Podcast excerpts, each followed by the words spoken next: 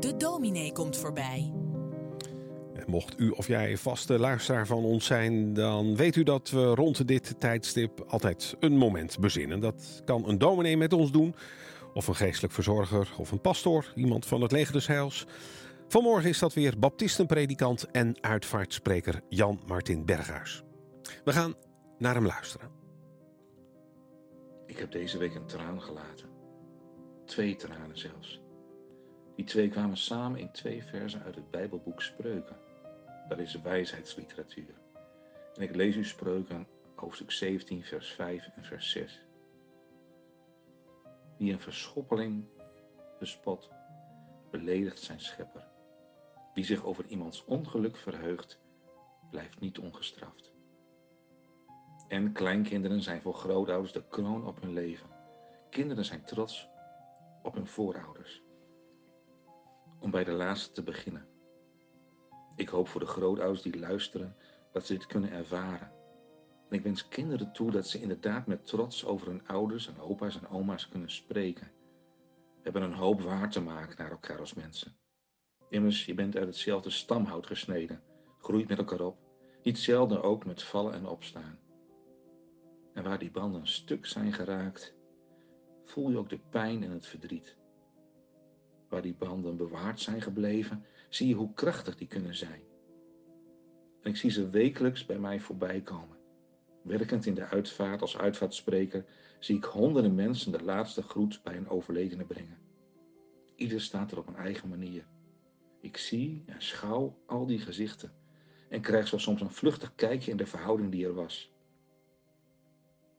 Wat mij ontroert is als ik zie hoe, bijvoorbeeld als oma overleden is, opa aan de arm van zoon of dochter of kleinkinderen naar voren wordt gebracht. Samen staan ze bij de kist voor het laatste moment. Hij steunt op hen, letterlijk. Of eigenlijk meer dan dat, wezenlijk. Dit is familie zijn. Elkaar dragen. Ook al kan je op veel momenten anders in het leven staan en soms zelfs tegenover elkaar. Nu ben je er voor elkaar. De broze oude baas kan blijven staan, blijven bestaan, dankzij volgende generaties. Hun kracht, hun bijstand schenkt leven en voortbestaan.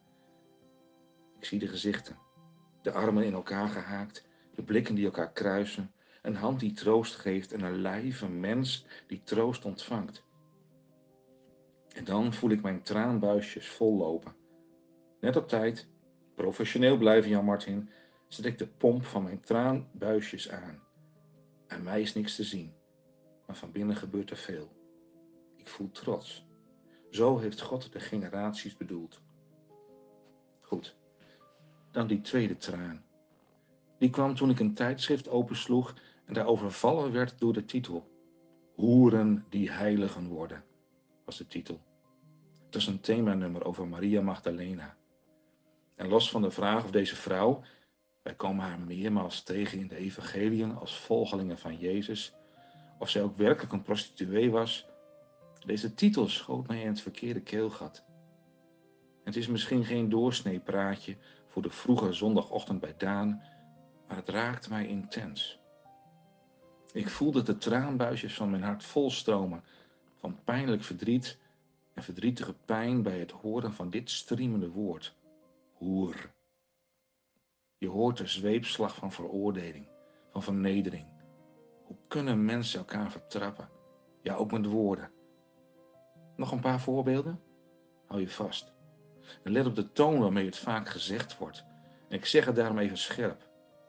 Hoer, homo, Turk, asielzoeker, maar ook, ach, poetsvrouw, pakketbezorger, billenwasser in het bejaardenhuis, wappie.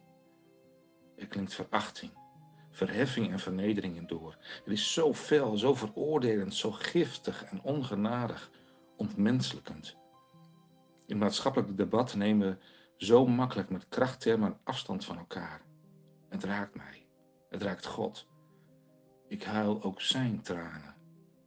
Want wat er gezegd wordt is, zo schrijft de schrijver van Spreuken, een belediging van God. Wie een verschoppeling bespot, beledigt zijn schepper. God kent namelijk geen verschoppelingen. God kent enkel mensen waarvan hij schepper is en wil zijn. Een mens, een dierbaar mens, een gewild mens, ook een door het leven geknecht mens, maar nog steeds een door God gezocht en geliefd mens. God laat niet los wat zijn hand ooit begonnen is te doen. Dat zeggen wij dominees vaak aan het beginnen van een kerkdienst. Hij is trouw. Wie zijn wij om daaraan af te doen?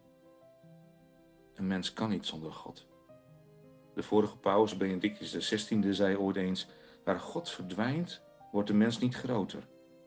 Integendeel, die mens verliest zijn goddelijke waardigheid, de goddelijke glans op zijn gelaat.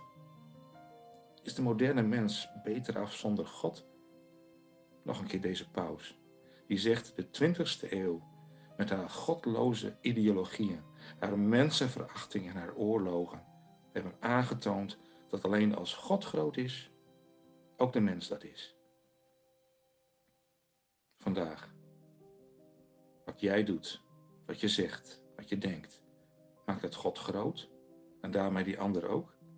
Of beledig je de schepper? Glimlacht onze Heer om jou of huilt hij? Of glimt God van trots omdat hij ziet dat mensen elkaar tot kroon op het leven zijn? Ik bid om het laatste. Ik zou zeggen, doe je best. Een zalige zondag gewenst die ook jouw medemens, net als jij, schepsel van God, gelukkig maakt. En God ook een beetje. Uit de hemel en de aarde glimlachen vandaag. Amen.